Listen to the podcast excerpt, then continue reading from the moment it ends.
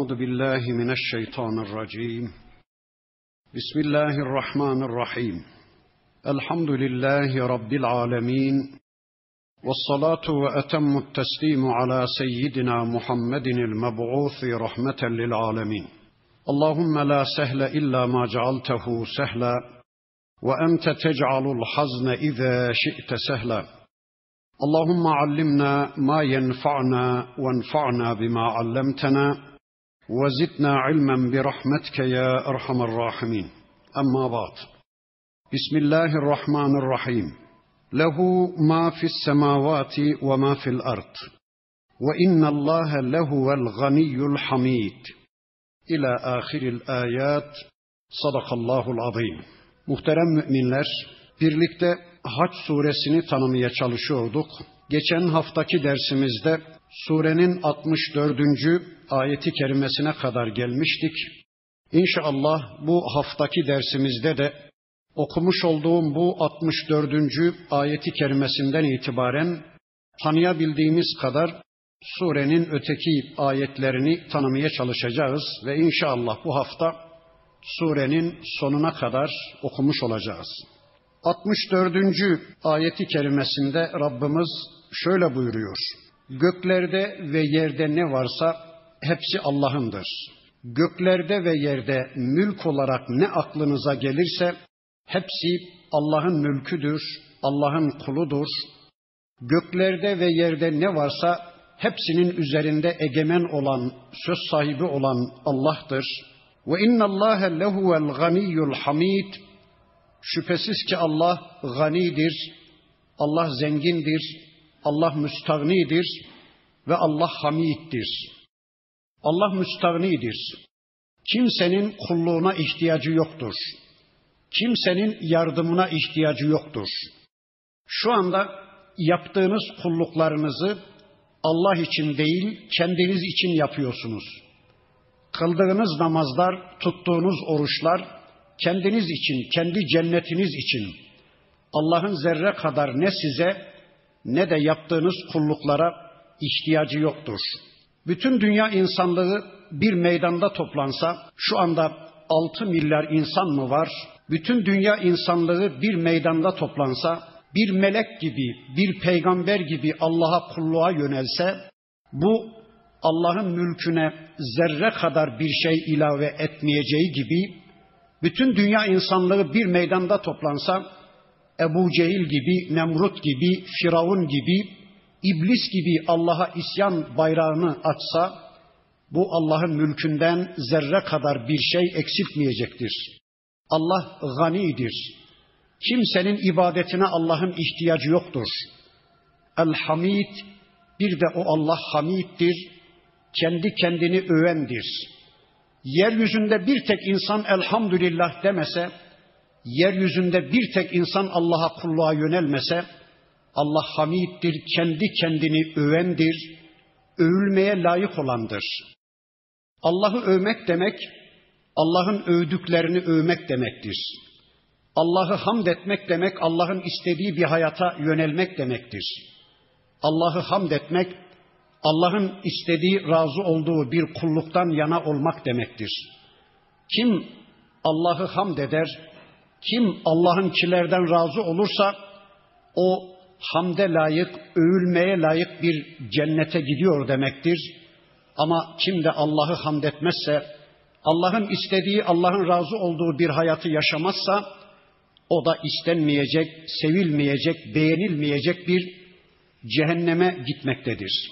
Elem tera, görmüyor musun ey peygamberim? Görmüyor musun ey insan? Ennallâhe sahhara lekum ma fil ardı. Yeryüzünde ne varsa hepsini Allah sizin emrinize musahhar kılmıştır.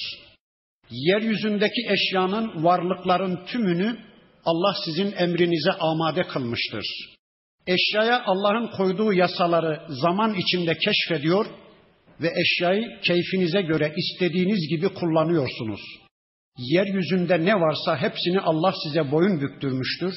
Vel fulke tecri fil bahri bi emrihi onun emriyle denizlerde yüzüp giden gemileri de Allah sizin emrinize amade kılmış sizin emrinize boyun büktürmüştür. Yani şu anda denizlerde yürüyüp giden, yüzüp giden gemiler zannetmeyin ki kendiliğinden yüzüp gitmektedir. Onları yüzdüren, onları yürüten Allah'tır. O gemileri sizin emrinize amade kılan Allah'tır. Gemilerin yürüme yasasını, suyun üzerine konan şeyi kaldırma yasasını, rüzgarlara önündeki şeyleri sürükleme yasasını koyan Allah'tır. Ve yumsikus sema'e en taka alel ardı illa bi iznihi semanın da yeryüzüne düşmesini engelleyen gökyüzünü ve gökyüzündeki cisimleri yere düşmekten engelleyip tutan da Allah'tır. Onlar Allah'ın izniyle gökyüzünde durmaktadır. Allah o izni kaldırdığı gün işte kıyamet kopacak demektir.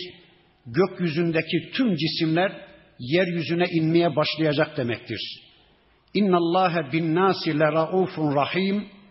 Şüphesiz ki Allah insanlara karşı son derece rauf ve rahimdir.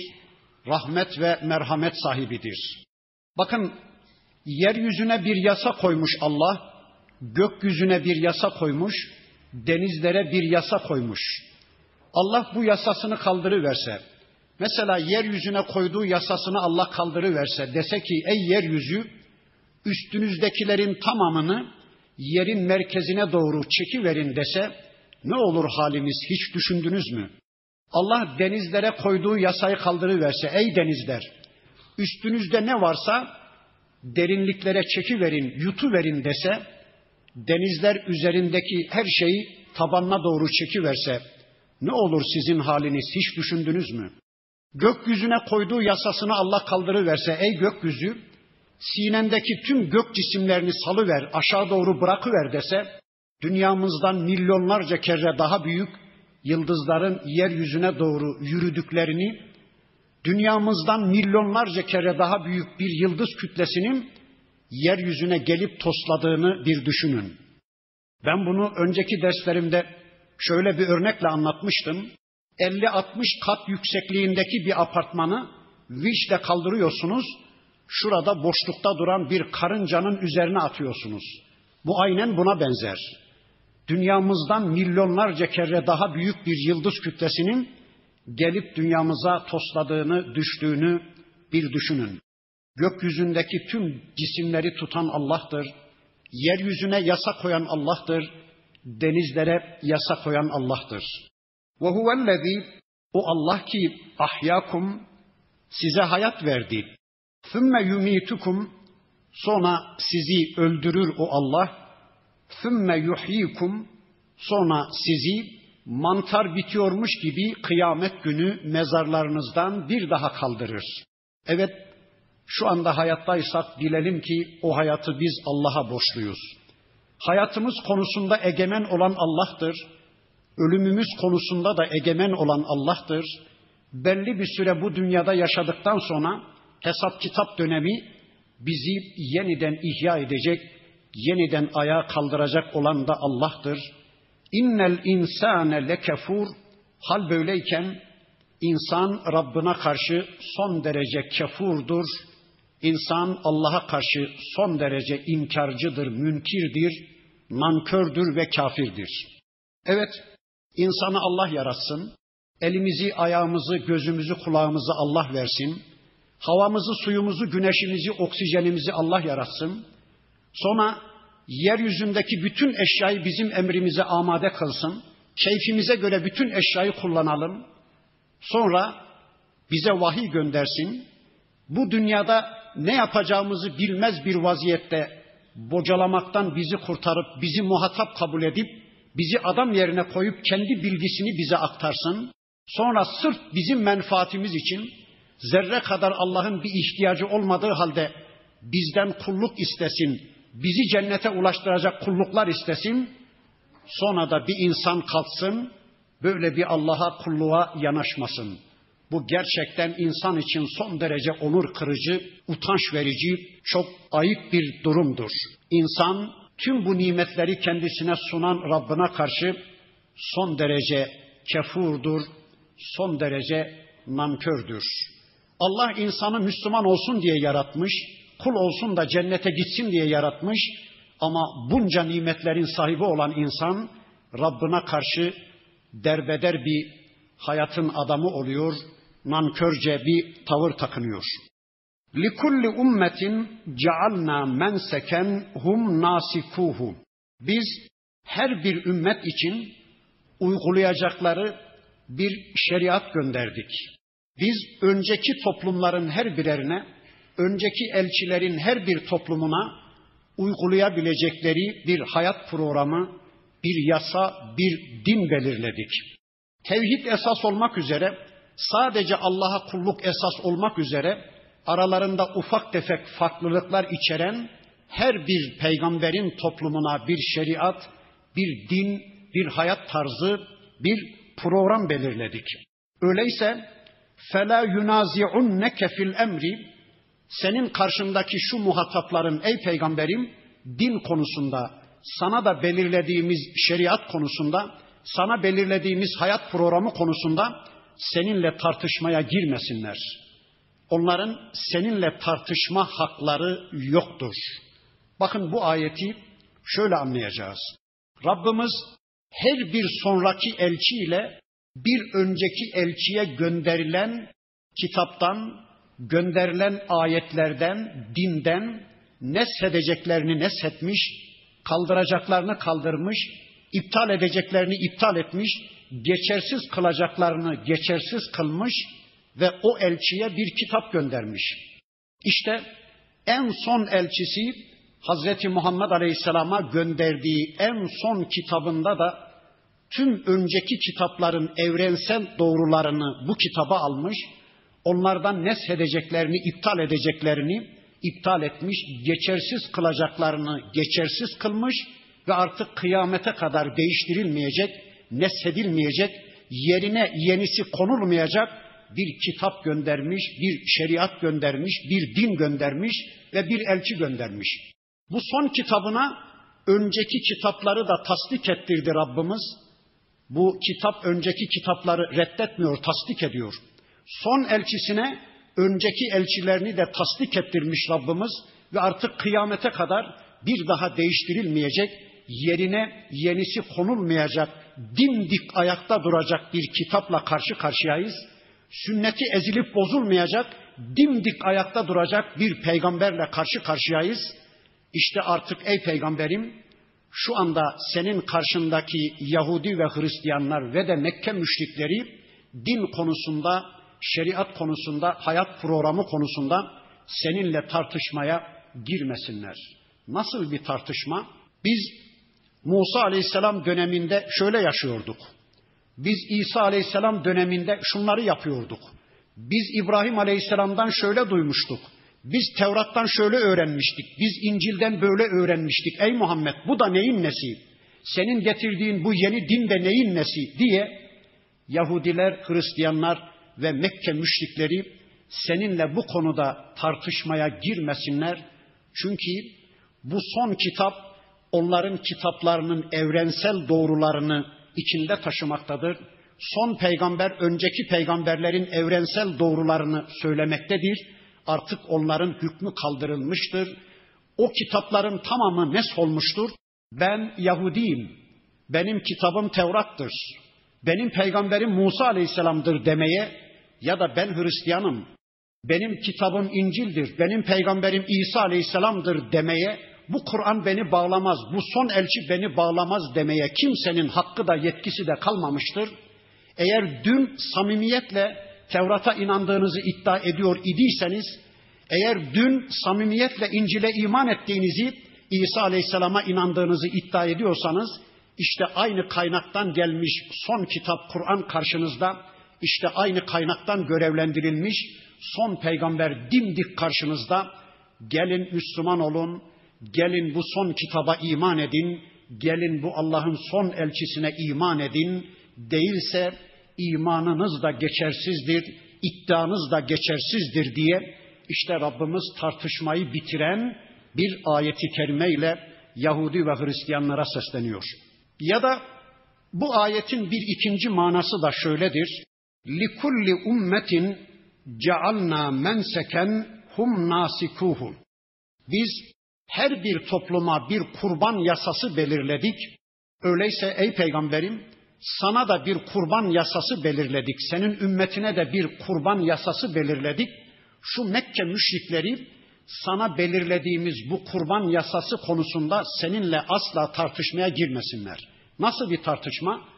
Bakın Mekke müşrikleri şöyle diyorlarmış. Bu neyin nesi ey Muhammed? Allah'ın kestiği yenmiyor, bizim kestiğimiz yeniyor. Allah'ın öldürdüğü hayvan yenmiyor. Yani vadesiyle ölen hayvanı güya Allah öldürüyor diyorlar ya. E bizim öldürdüğümüz, bizim kestiğimiz hayvan yeniyor. Allah'ın öldürdüğü, Allah'ın kestiği yenmiyor. Bu neyin nesi diye Peygamber Efendimizle tartışmaya giriyormuş Mekke müşrikleri. Buna şirk mantığı diyoruz. Sanki bizim kestiğimizi biz kestik de Allah'ın öldürdüğünü Allah öldürdü. Hayır ya, bizim öldürdüğümüzü de Allah öldürüyor. Allah'ın öldürdüğünü de Allah öldürüyor. Böyle bir ayrım yok ki. İnfak konusunda da aynı şirk mantığını ileri sürüyorlardı. Yasin suresinde anlatılır. Bu neyin nesi, bu nasıl şey diyorlarmış. Yahu Allah fakir kullarını doyurmaktan aciz, bizden zekat istiyor. Fakir kullarını doyurmamızı bizden istiyor. Bizden infak istiyor. Yahu bu neyin nesi? Yani Allah kendi fakir kullarını doyuramayacak kadar güçsüz mü? Fakir mi? Demek ki biz Allah'tan daha zenginiz, biz Allah'tan daha güçlüyüz demeye çalışıyorlardı. Şirk mantığı. Yani bizim mallarımız bizim de sanki Allah'ın ayrıca kendi malı mülkü varmış gibi.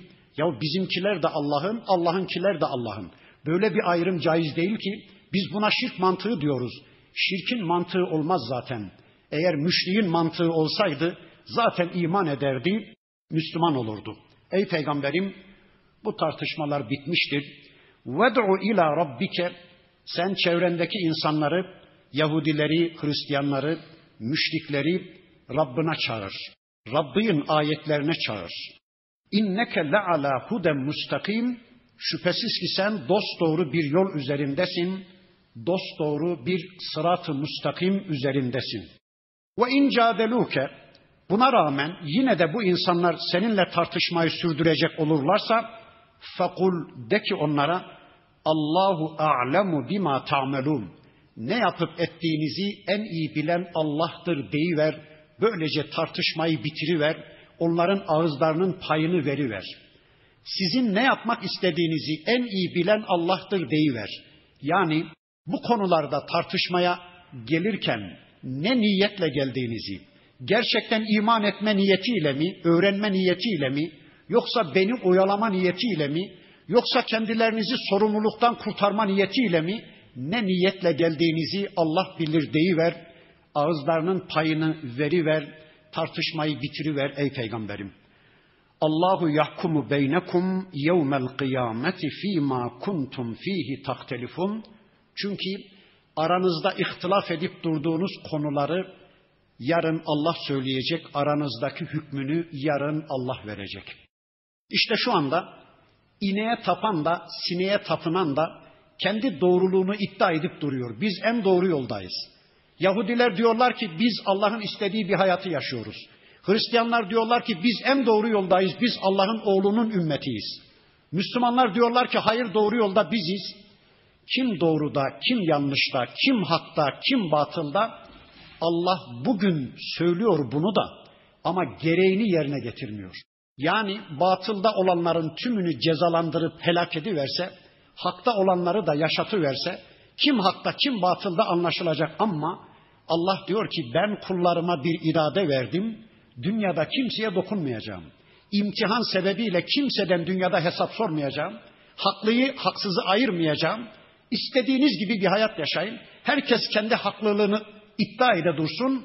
Yarın sen sen sen haktaydın. Sen sen sen batıldaydın. Sen yanlıştaydın, sen doğrudaydın diye hükmümü ben kıyamet gününe sakladım.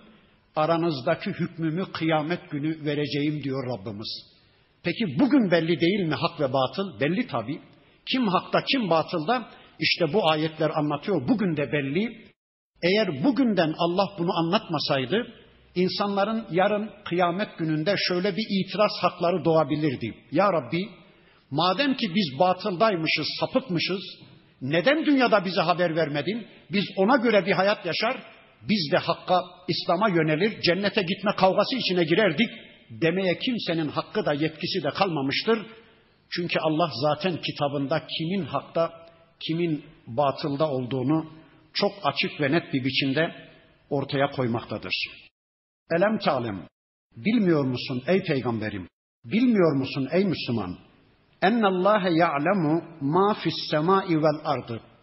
Allah gökte ve yerde ne var hepsini bilmektedir. Göklerde ve yerde canlı ve cansız ne varsa hepsi Allah'ın bilgisi altındadır. Allah'ın bilgisinin dışında hiçbir şey yoktur. Göklerde ve yerde. Bakın şu anda bugün gökten ne kadar yeryüzüne yağmur damlası indi bunu Allah bilmektedir. Güneşten bugün ne kadar ısı ve ışık indi, enerji indi Allah bunu bilmektedir. Bugün toprağın altına kaç ceset girdi, bugün ana rahminden kaç çocuk dünyaya geldi, bugün kaç ağaçtan kaç yaprak düştü, bugün kaç ağaç çiçek açtı, meyveye durdu, karanlıkta ve aydınlıkta hangi sinek, hangi böcek devindi, Allah onu bilmektedir. Göklerde ve yerde ne varsa hepsini Allah bilmektedir. İnne zâlike fi kitabin Allah bilgisi de bir kitaptadır.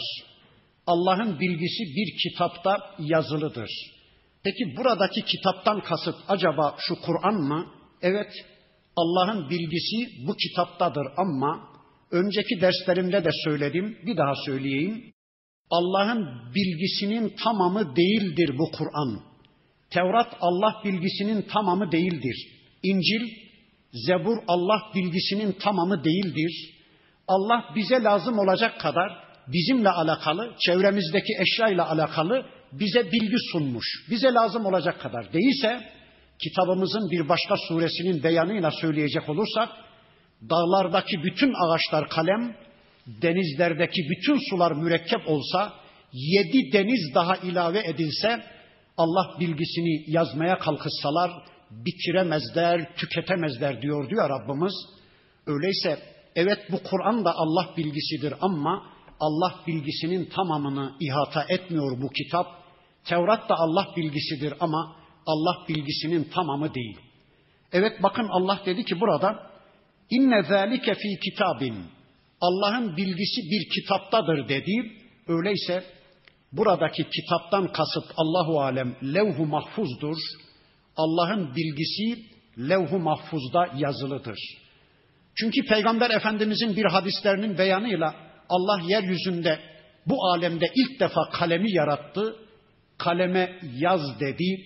Neyi yazayım ya Rab dedi kalem. Bu alemde kıyamete kadar olup bitecek her şey yaz dedi. Kalem de işte bu alemde kıyamete kadar olup bitecek her şeyi yazdı. İşte ona Allah bilgisi diyoruz. Allah bilgisi levh-u mahfuzdadır. Yani bir insanın en küçük amelinden en büyük ameline kadar melekler tespit ediyorlar, yazıyorlar, dosyalar hazırlanıyor. Hani şu anda kafirler, zalimler Müslümanlar için dosyalar hazırlıyorlar. Müslümanları fişlemeye çalışıyorlar ya. Yarın onlara şunları şunları yaparız diye şimdiden Müslümanlara dosyalar hazırlıyorlar ya. Bilesiniz ki o kafirlerin ve zalimlerin dosyaları tutulmakta melekler tarafından. Yarın o dosyalar açığa çıktığı zaman onların nasıl rezil ve perişan bir konuma düşeceklerini inşallah şu dünya gözüyle hepimiz göreceğiz. İnne zalike alallahi yesir göklere ve yere egemen olması, göklerde ve yerde canlı ve cansız her şeyi Allah'ın bilmesi, her varlığa Allah rızkını temin etmesi, her varlığa Allah'ın program çizmesi Allah'a hiç de zor değildir. Bu Allah için çok kolaydır. Hal böyleyken, böyle güçlü bir Allah varken, göklere ve yere egemen böyle bilgisi tam bir Allah varken ve ya'budun min dunillahi insanlardan kimileri Allah berisinde bir kısım varlıklara tapınıyorlar. Malem yunezzil bihi sultana halbuki o konuda Allah hiçbir bilgi indirmemiştir. Bakın Adem aleyhisselamdan şu ana kadar elçilerine indirdiği kitaplarının hiçbirisinde Allah şöyle bir bilgi indirmemiştir. Bana kulluk etmekle birlikte falanlara da kulluk edin, ben onlara yetki verdim, onlara da ibadet edin diye Allah kitaplarının hiçbirisinde böyle bir bilgi, böyle bir belge indirmemiştir.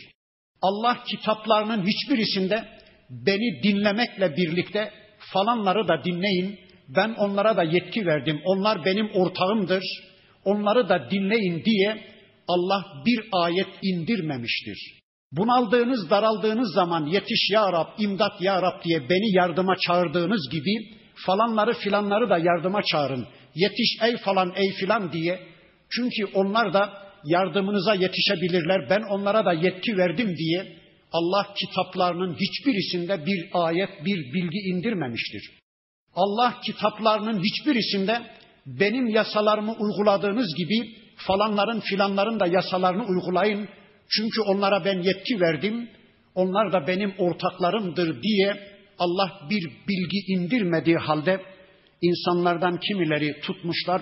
Allah verisinde bir kısım varlıklara dua ediyorlar. Bir kısım varlıkları yardıma çağırıyorlar. Bir kısım varlıkların yasalarını uyguluyorlar. Bir kısım varlıkların itirazsız arzularına ram oluyorlar. وَمَا لَيْسَ لَهُمْ bihi ilmun Halbuki o konuda yani onların tanrılıklarının haklılığı konusunda bir bilgileri de yoktur. وَمَا لِلظَّالِم۪ينَ min nasir Böyle zalimlerin de yardımcıları yoktur. Bunlar zalimdir. Bunlar olmaması gereken yerde olan, olması gereken yerde olmayan zalimlerdir. Kendilerini sahiplerine kulluk ortamından başka varlıklara kulluk ortamına indirgemiş, olmaları gereken yerde bulunmamış, olmamaları gereken yerde bulunmuş kimselerdir.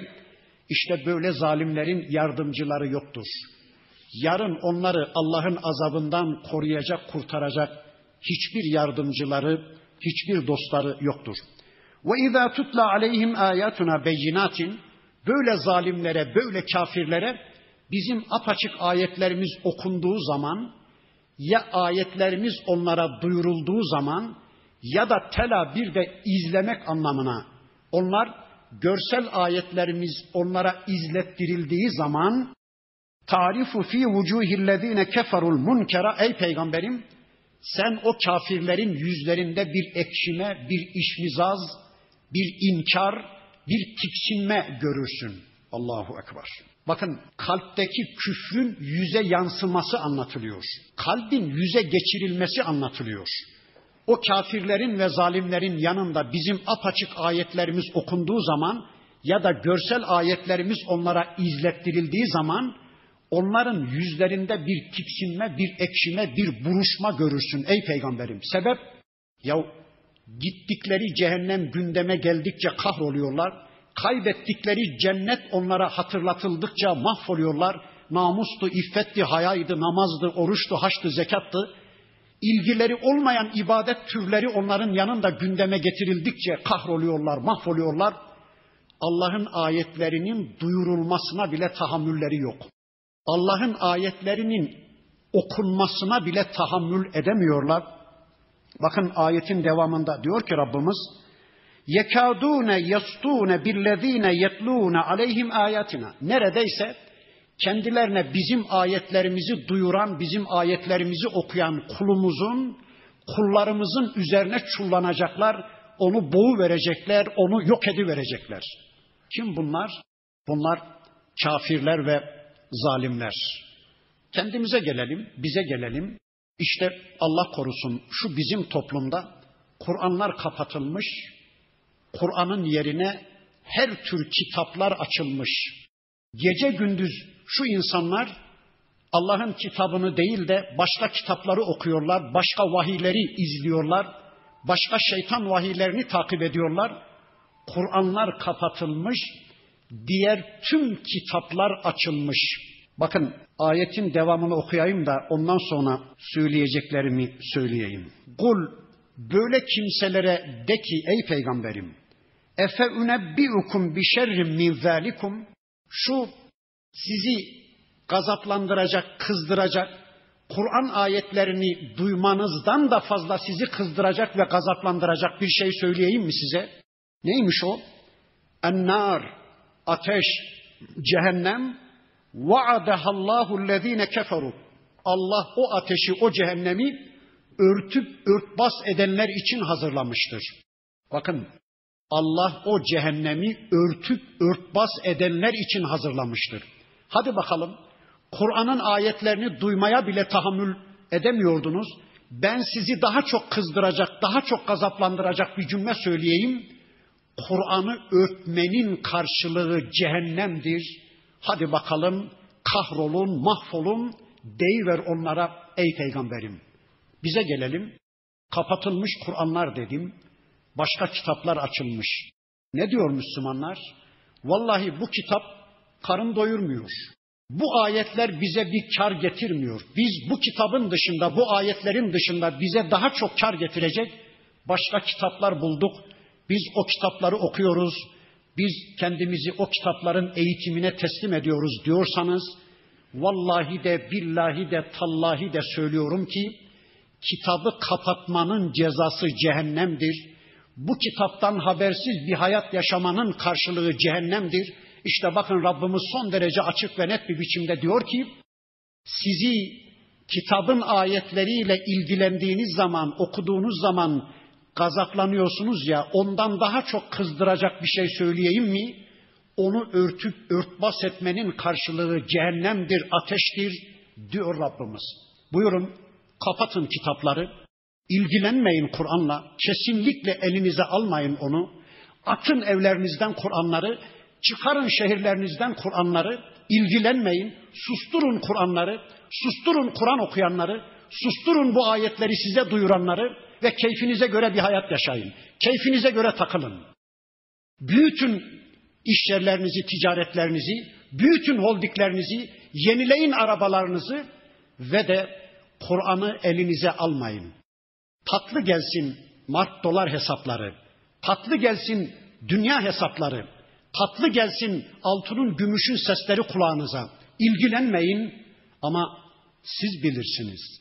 Şunu kesinlikle bilesiniz ki bu kitabı kapatmanın cezası cehennemmiş. Bu kitabı kapatmanın cezası ateşmiş. Birileri kapatabilir diyeceğimiz yok ama şunu söyleyeyim ki kıyamete kadar bu kitabı açık tutacak müminler yeryüzünde hep var olacak. Eğer şunu söyleyeyim, sizler ey Müslümanlar bu kitabı açık tutarsanız, gece gündüz bu kitabın ayetleriyle bilgilenme yoluna girerseniz, bu bir Allah garantisi. Kesinlikle bilesiniz ki kitabı kapatan kafir ve zalimlerin zerre kadar size bir zararı dokunmayacaktır. Siz bu kitapla birlikteliğinizi sürdürdüğünüz sürece, bu kitabı dünyanızda açık tuttuğunuz sürece ama siz kendi gönlünüzle bu kitabı kapatırsanız, bir soğursanız bir daha kimse bu kitabı açmanızı sağlayamayacak, kimse sizi bu kitaba döndüremeyecek. Bunu da unutmayın. İşte bakın Rabbimiz bu ayeti kerimesinde son derece açık ve net bir biçimde bize bunu anlattı. Ve bi'sel masir. Gerçekten o cehennem ne kötü bir varış yeridir. Gidilmeyecek bir yerdir o cehennem ey Müslümanlar. Gelin kitabınızla irtibatlarınızı kesmeyin. Sevgili peygamberimiz bir hadislerinde buyururlar ki üzerinizdeki elbiselerinizin eskidiği gibi imanlarınız da zaman zaman eskir, imanlarınızı yenileyin. Soruyor sahabe, ya Resulallah imanlarımızı nasıl yenileyeceğiz? Günde 10 ayet, 5 ayet okuyuverin, bir potansiyel iman kazanın, o gün akşama kadar sizi tüm kötülüklerden koruyacak.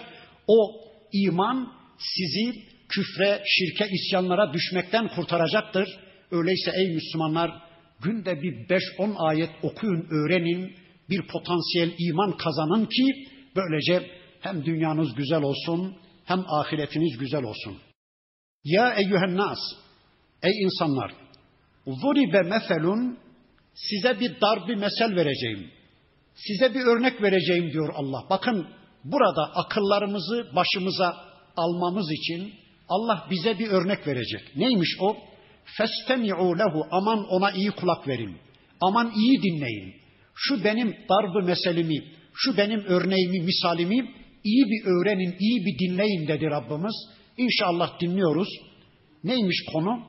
İnnellezîne ted'ûne min dûnillâhi şu Allah berisinde kendilerine dua edilenler var ya, yetiş ey falan ey filan diye yardıma çağrılanlar var ya, ya da Allah berisinde insanların tapındığı putlar, tapındığı varlıklar var ya, len yahluku zubaben ebediyen onlar bir sineği bile yaratamazlar. Bir sinek bile yaratamazlar. Bırakın bir sinek yaratmayı, sineğin küçücük bir kanadını bile yaratamazlar. وَلَوْ اِجْتَمَعُوا lehu Hepsi de tüm yapay tanrılar ve tanrıçalar toplansalar, birbirlerine muzahir olsalar, birbirlerine yardım etseler, bir sinek bile yaratamaz onlar. Devam ediyor Rabbimizin örneği. Ve in yeslubhumuz bu şey'en sinek onlardan bir parça koparıp katsa la yestenqiduhu minhu o sineğin koparıp kaçtığı o parçayı o sinekten geri almaya kendi vücutlarına yeniden o kanı zerk etmeye asla onlar güç yetiremezler. Anladınız değil mi? İnsanların Tanrı bildiği, tapındığı varlığın birinin üzerine sinek konuyor, sivrisinek. Oradan bir parça kan emip kaçıyor. O Tanrı bilinen kişi ordularını gönderse, toplarını, tanklarını gönderse, askerlerini gönderse o sineği yakalayıp kendi vücutundan kopardığı o kan parçasını geri almaya, geri alsa bile onu yeniden kendi vücutuna zerk etmeye hiçbirinin gücü de yetmez, imkanı da yetmez. Sonunda diyor ki bakın Allah, zaufet talibu vel matlub, koparan da zayıf, koparılan da. İsteyen de zayıf, istenen de. Kaçan da zayıf, kovalayan da. Yani sinek de zayıf, insanların tapındığı o varlıklar da zayıf. Söyleyin Allah aşkına. Vücutundan bir sineğin bir parça koparıp gitmesine bile engel olamayan kişi nasıl Tanrı olacak ya? Nasıl ilah olacak? Öyle değil mi? İşte şu anda tüm dünyada dışarıda nice heykel tanrılar var ki üzerine kuşların işemesine bile engel olamıyorlar değil mi? Şu anda kuşlar o heykellerin üzerine işemeye meşgul, işemekle meşguller ama buna bile engel olamıyorlar. Allah için söyleyin. Nasıl Tanrı olacak bunlar? Kuşların bile üzerine işemesine engel olamayan varlıklar nasıl Tanrı olabilecek? Sivrisineğin üzerinden bir kan parçası alıp kaçmasına bile engel olamayanlar nasıl Tanrı olabilecek? Önceki derslerimin birisinde şu cümleyi söylemiştim. Yeri gelmişken Allah tekrar tekrar söylediğine göre bir daha söyleyeyim. Bakın İslam inancında koruyan Allah'tır, korunan kullardır. Küfür ve şirk inancında koruyan kullardır, korunan tanrılardır. Kullar tanrılarını korurlar. Aman ha, tanrılarımıza, putlarımıza insanlar zarar vermesin diye muhkem kale gibi put evleri yapıyorlar. Aman putlarımıza kimse zarar vermesin diye, aman tanrılarımızı koruyalım diye koruma yasaları çıkarıyorlar. Aman yıkmak isteyenlere karşı onları yıktırmayalım, koruyalım diye ya o Tanrı kendini bile korumaktan acizse nasıl Tanrı olacak ya? Müşriğin mantığı olmaz ki. Zaten demin söyledim. Müşriğin mantığı olsaydı iman ederdi. Peki bu ayet bize ne anlattı? Bakın ey Müslümanlar, bu ayet bize şunu anlattı. Bu alemde Allah'a kulluk etmeyenler, Allah'a kulluğa yönelmeyenler kesinlikle kendilerine başka tanrılar bulmak zorunda, başka ilahlar bulmak zorunda. Çünkü bir insanı Allah öyle yaratmış. İnsanın fıtratını Allah kul olmaya müsait yaratmış. İnsan bir şeylere tapınmak zorunda. Eğer Allah'ı bulamamış, Allah'a kulluğa yönelmemişse bir insan o kendi hayatına çeki düzen verecek bir kısım tanrılar bulmak zorunda, bir kısım ilahlar bulmak zorunda. İşte şu anda yeryüzünde binlerce din var, binlerce sistem var, binlerce hayat programı var, binlerce o dinlerin tanrıları var ama ne gariptir ki o tanrıların ekserisi insandır. Yani insan insana tapınıyor. Yani insan kendi kendine tapınıyor. Çünkü bazen bazen işte görüyoruz. Bugün Tanrım diye önünde eğildiği varlığın yarın sanatını icra edemez bir çağa geldiği zaman ya da fiziki güzelliğini kaybettiği zaman işte artistler ya da şarkıcılar, türkücüler bir zamanlar insanlar onların önünde vücutlarına jilet atıp vecd ve istigrak halinde secdelere kapanırken Bugün onlar ihtiyarlayıp da artık sanatlarını icra edemez hale gelince ya da fiziksel güzelliklerini kaybedip yaşlanınca bir köşeye çekiliyorlar. Kimse haline hatırını bile sormuyor. Yeni tanrılar buluyorlar. Yeni tanrılara secde etmeye başlıyor insanlar. Gariptir değil mi?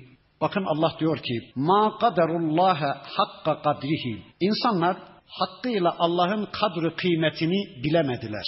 Şu zavallı insanlar hakkıyla Allah'ın kadri kıymetini bilemediler. Bu kalıpta Kur'an'da iki ayet var. Bir tanesi burada.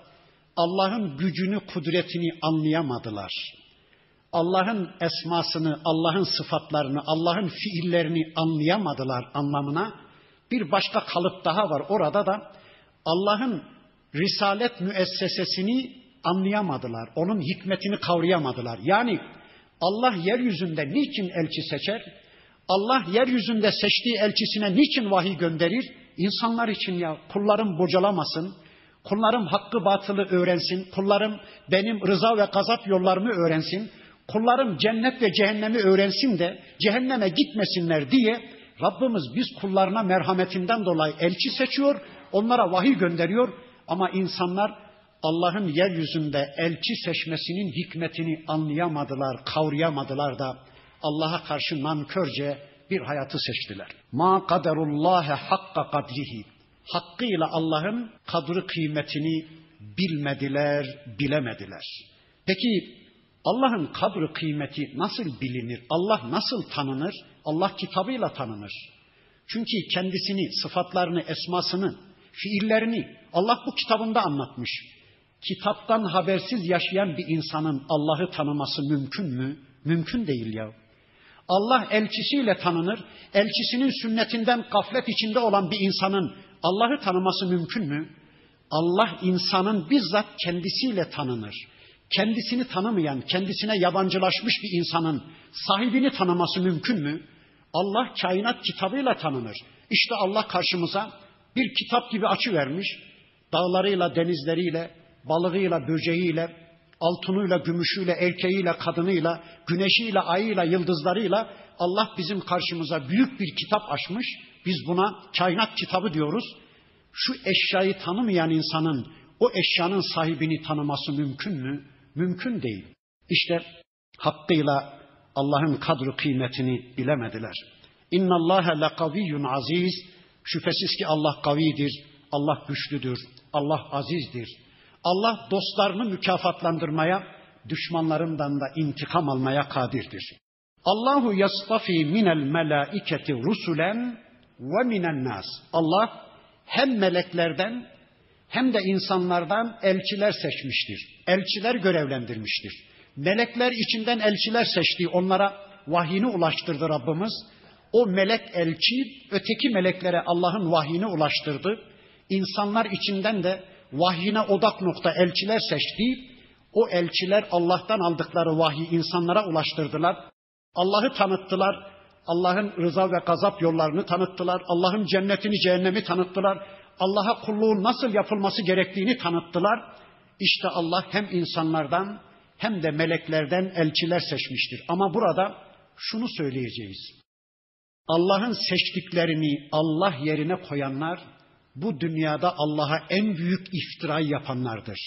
Allah'ın seçtiği kullarını Allah'a denk tutanlar bu alemde Allah'a en büyük iftira yapanlar. Kim onlar? Yahudiler. Üzeyir Allah'ın oğludur demişler. Allah'ın seçtiği Allah'ın kulunu Allah'a denk tutmuşlar. Hristiyanlar İsa Allah'ın oğludur demişler. Allah'ın elçisini, Allah'ın seçtiği kulunu Allah yerine koymuşlar.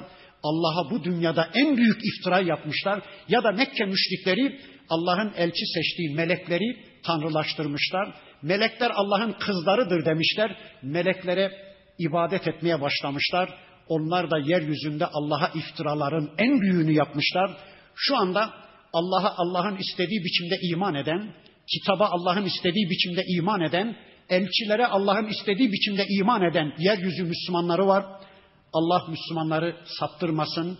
Allah Müslümanları bu imandan inşallah uzaklaştırmasın. İnna Allah semi'un basir. Şüphesiz ki Allah her şeyi işitir, her şeyi görür. Ya'lemu ma beyne eydihim ve ma halfahum.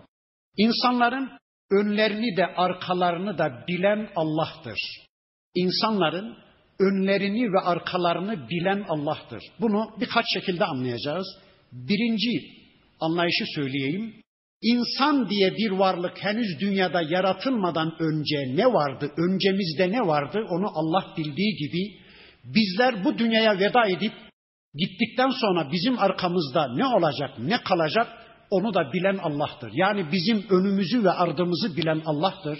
Birinci mana. İkinci mana insanın bildiğini ve bilmediğini bilen Allah'tır. İnsanın önündekinden kasıt işte ben görüyorum, biliyorum ama arkamı görmüyorum, bilmiyorum.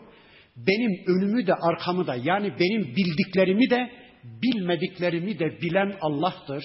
Bir üçüncü manası insanın şu anda yaptığı konuştuklarının tümünü bilen Allah olduğu gibi eğer ömrünüz varsa 10 yıl sonra konuşacaklarınızı, eğer ömrünüz varsa 50 yıl sonra yapacaklarınızı da bilen Allah'tır. Şu anda konuştuklarınızı, yaptıklarınızı bilen Allah olduğu gibi eğer ömrünüz varsa yıllar sonra ne yapacağınızı, neler konuşacağınızı bilen Allah'tır. Yani her şeyi bilen Allah'tır. Bilgisi tam olan Allah'tır. Bilginin kaynağı olan Allah'tır. Öyleyse böyle bilgi kendisinden olan bir Allah'ın kitabı uygulanır. Böyle bir Allah'a gözü kapalı teslim olunur. Böyle bir Allah'a gözü kapalı kulluk edilir. Böyle bir Allah'ın yasaları gözü kapalı uygulanır. Çünkü o Allah bizi bizden daha çok düşünen, bizi bizden daha çok seven, bizim hayrımızı, şerrimizi, bizim menfaatimizi, zararımızı bizden daha iyi bilen bir velimizdir. Ve ilallahi turcaul umur ve işler sonunda Allah'a döndürülecek.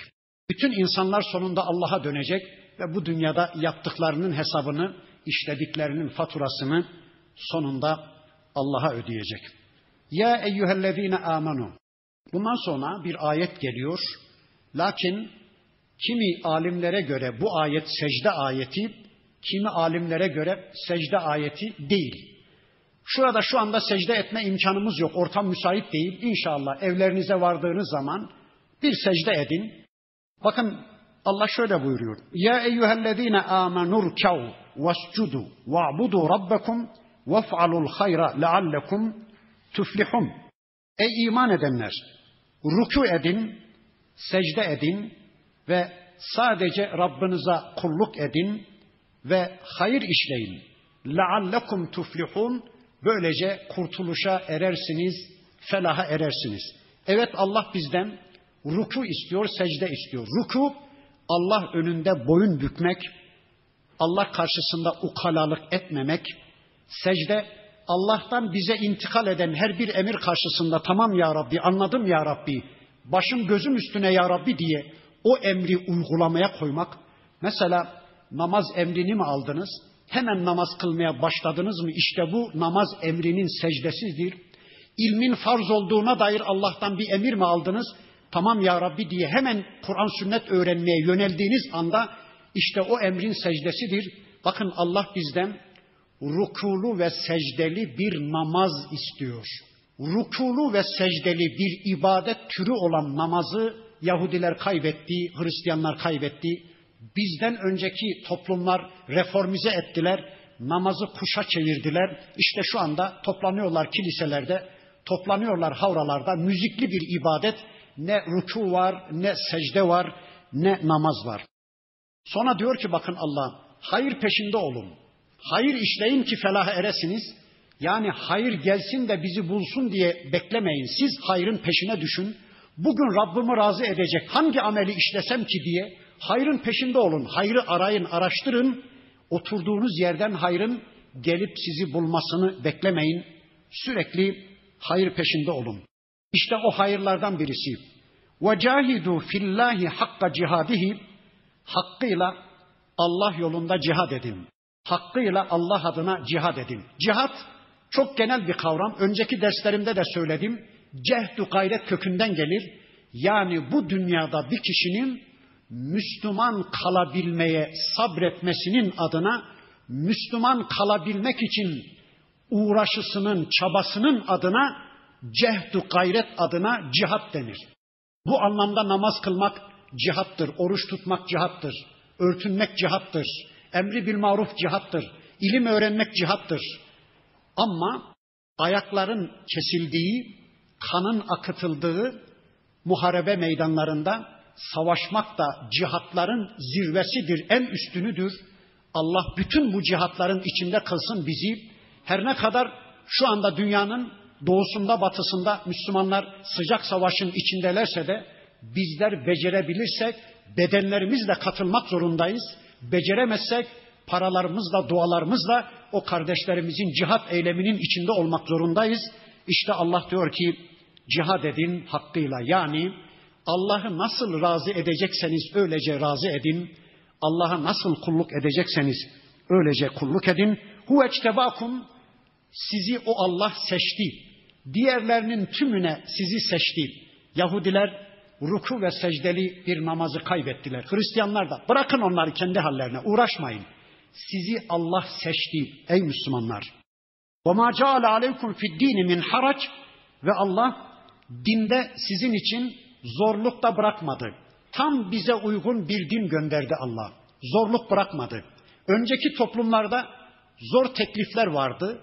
Mesela Ramazan gecelerinde bile Yahudi ve Hristiyanlar hanımlarına yaklaşamazlardı. Gündüz zaten oruç da gece bile yasaktı. Allah bizden kaldırdı. Su bulamadığınız zaman teyemmüm edin dedi. Yolculuğa çıktığınız zaman dört rekatlı farzları ikiye indirin dedi. Orucunuzu sefer sonrasına tehir edebilirsiniz dedi.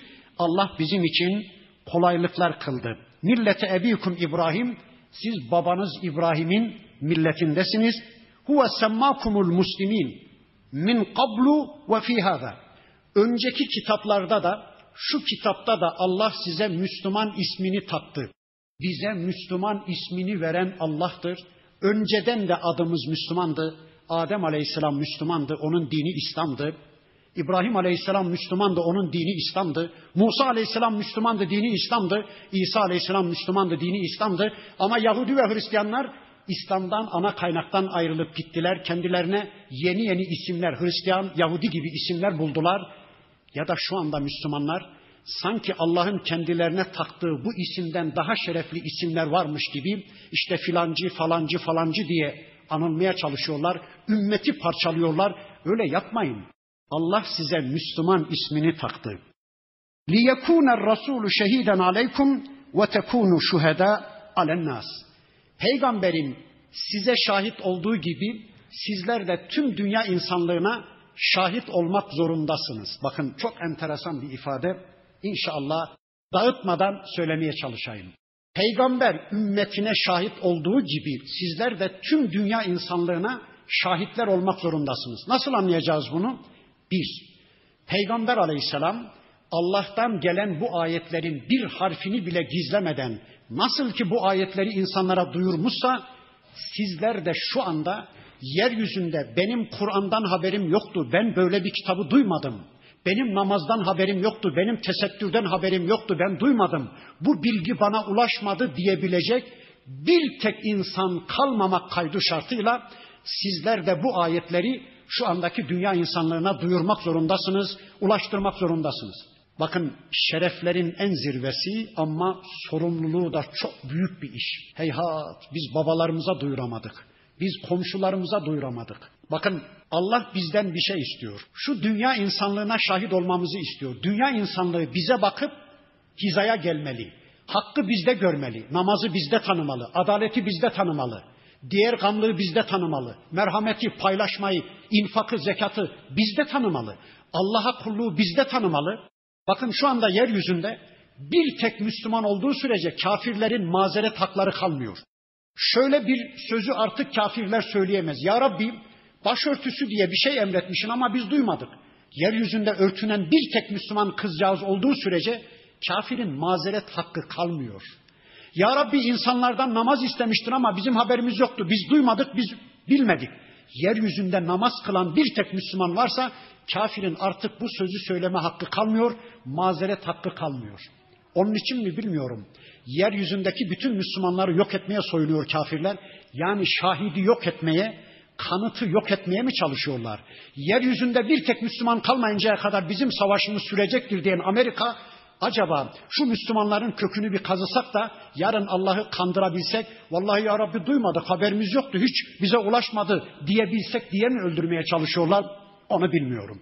Allah diyor ki tüm yeryüzü insanlığına şahitler olun. Bir de bizim şahitliğimiz öbür tarafta olacak. Tüm insanlığa biz şahit olacağız. Nasıl? Mesela Nuh Aleyhisselam'ı çağıracakmış Allah. Ey Nuh sen şu topluma elçi olarak gönderilmiştin. Benim ayetlerimi duyurdun mu? Bunların karşısında benim onlardan istediğim kulluğu en güzel bir biçimde örnekleyebildin mi? Nuh Aleyhisselam diyecek ki evet ya Rabbi. Topluma dönecekmiş. Ey toplum siz bu adamı tanıyor musunuz? Bu adam görevini yaptı mı? Toplum kendilerini sorumluluktan kurtarmak için diyecekmiş ki hayır vallahi ya Rabbi biz böyle bir adamı ne gördük ne duyduk. Dönecekmiş Allah Nuh Aleyhisselam'a. Ey Nuh bak bunlar görevini yapmadığını söylüyorlar. Bir şahidin var mı görevini yaptığına dair? Etrafına bakınacak üzgün üzgün ve Muhammed ümmeti öne atılacak. Bizler, bizler şahidiz ya Rabbi. Siz ne biliyorsunuz o dönemde yaşamadınız? E ya Rabbi sen bize bir kitap gönderdin. O kitabında Nuh suresi diye müstakil bir sure indirdin. 950 yıl Nuh Aleyhisselam'ın yemeden içmeden toplumuna din duyurduğunu sen söyledin. E sen doğru söylüyorsun. Biz gözle görmenin de ötesinde şahidiz ki Nuh Aleyhisselam görevini yaptı ya Rabbi. İbrahim Aleyhisselam görevini yaptı. Babasını toplumunu uyardı. Nemrut tarafından şöyle şöyle ateşe atıldı. E biz biliyoruz. Lut Aleyhisselam'ın iki kızı iman etti. Karısı da kafirdi. Şöyle şöyle. E biz biliyoruz bütün bunları. Allah bize indirdi bu son kitabında. Müslümanlar yarın gözü kapalı şahitlikte bulunacaklar. Son ifadeyi de söyleyip bitireyim. فَاَقِيمُ الصَّلَاةَ Namazı ikame edin. وَاَتُوا zekate Zekatlarınızı verin. Namaz kılarak bireysel kulluğunuzu Allah için icra edin. Zekat vererek toplumsal kulluğunuzu da icra edin. Ya da namaz kılarak bedenlerinizde Allah'ın söz sahibi olduğunu ortaya koyun. Zekat vererek mallarınıza da Allah'ın karıştığını itiraf edin. وَاَتَصُمُوا billah Allah'a sımsıkı sarılın. Huve mevlakum. O Allah sizin velinizdir. O Allah sizin Mevlanız, dostunuzdur. Karar merciinizdir. Yasa belirleyicinizdir. Feni'mel Mevla. O ne güzel velidir. Ve ni'men nasir. O Allah ne güzel yardımcıdır. Böylece Haç suresi bitti elhamdülillah. Daha sonra inşallah Müminun suresi geliyor. Bu sezon 7 ya da 8 sureyi inşallah birlikte tanımaya çalışacağız. Allah hepinizden hepimizden razı olsun. Subhaneke Allahumma ve bihamdik. Eşhedü en la ilahe illa ente estağfiruke ve etubu ileyk. والحمد لله رب العالمين.